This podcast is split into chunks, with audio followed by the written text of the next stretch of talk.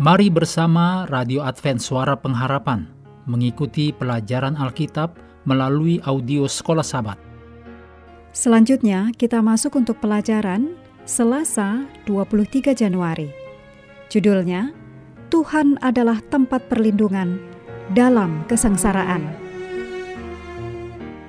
Mari kita mulai dengan doa singkat yang didasarkan dari Mazmur 34 ayat 5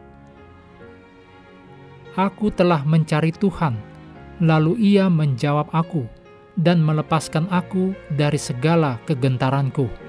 Amin.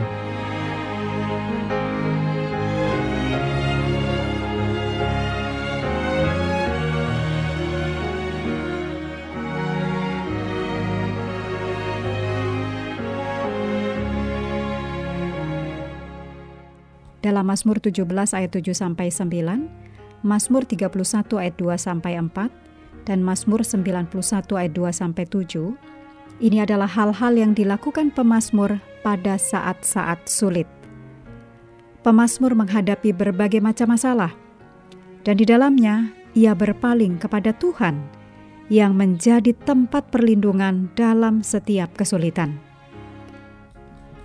Percaya adalah pilihan secara sadar dan cermat atas kekuasaan Tuhan bagi hidup seseorang dalam segala keadaan. Jika dalam keadaan sulit orang tidak bisa percaya kepada Tuhan, maka dalam keadaan apa pun orang tidak akan bisa percaya.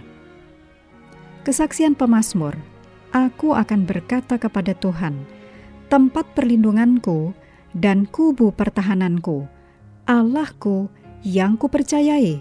Mazmur 91 ayat 2.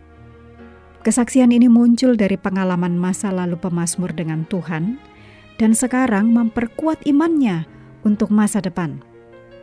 Pemazmur menyebut Tuhan yang maha tinggi dan maha kuasa.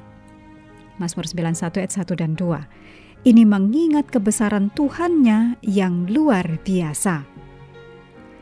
Pemazmur juga menceritakan tentang keamanan yang dapat ditemukan oleh seseorang di dalam Allah yaitu lindungan. Ini sama dengan perlindungan atau tempat persembunyian. Naungan, Mazmur 91 ayat 1. Perlindungan, kubu pertahanan, Mazmur 91 ayat 2. Sayap, perisai, pagar tembok, Mazmur 91 ayat 4. Dan tempat perteduhan, Mazmur 91 ayat 9. Berbagai gambaran ini melukiskan tempat berlindung yang aman dalam budaya pemazmur. Misalnya, memikirkan kembali panasnya matahari yang tak tertahankan di tempat mereka akan membuat diri mereka sangat menghargai naungan tempat berteduh. Atau mengingat kembali masa-masa perang dalam sejarah Israel akan membuat jadi sangat menghargai keamanan dari adanya perisai atau benteng. Dalam Mazmur 17 ayat 8, dan Matius 23 ayat 37. Salah satu metafora yang paling dekat adalah yang mengacu pada dalam naungan sayapmu. Mazmur 17 ayat 8, 57 ayat 2, 63 ayat 8. Metafora ini memunculkan kenyamanan dan jaminan dengan menyiratkan perlindungan induk burung. Tuhan dibandingkan dengan elang yang menjaga anaknya dengan sayapnya.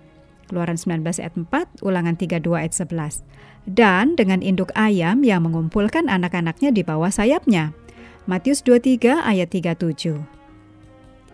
Bagaimana kita menghadapi peristiwa di landa malapetaka dan kita tampaknya tidak dapat melihat perlindungan Tuhan?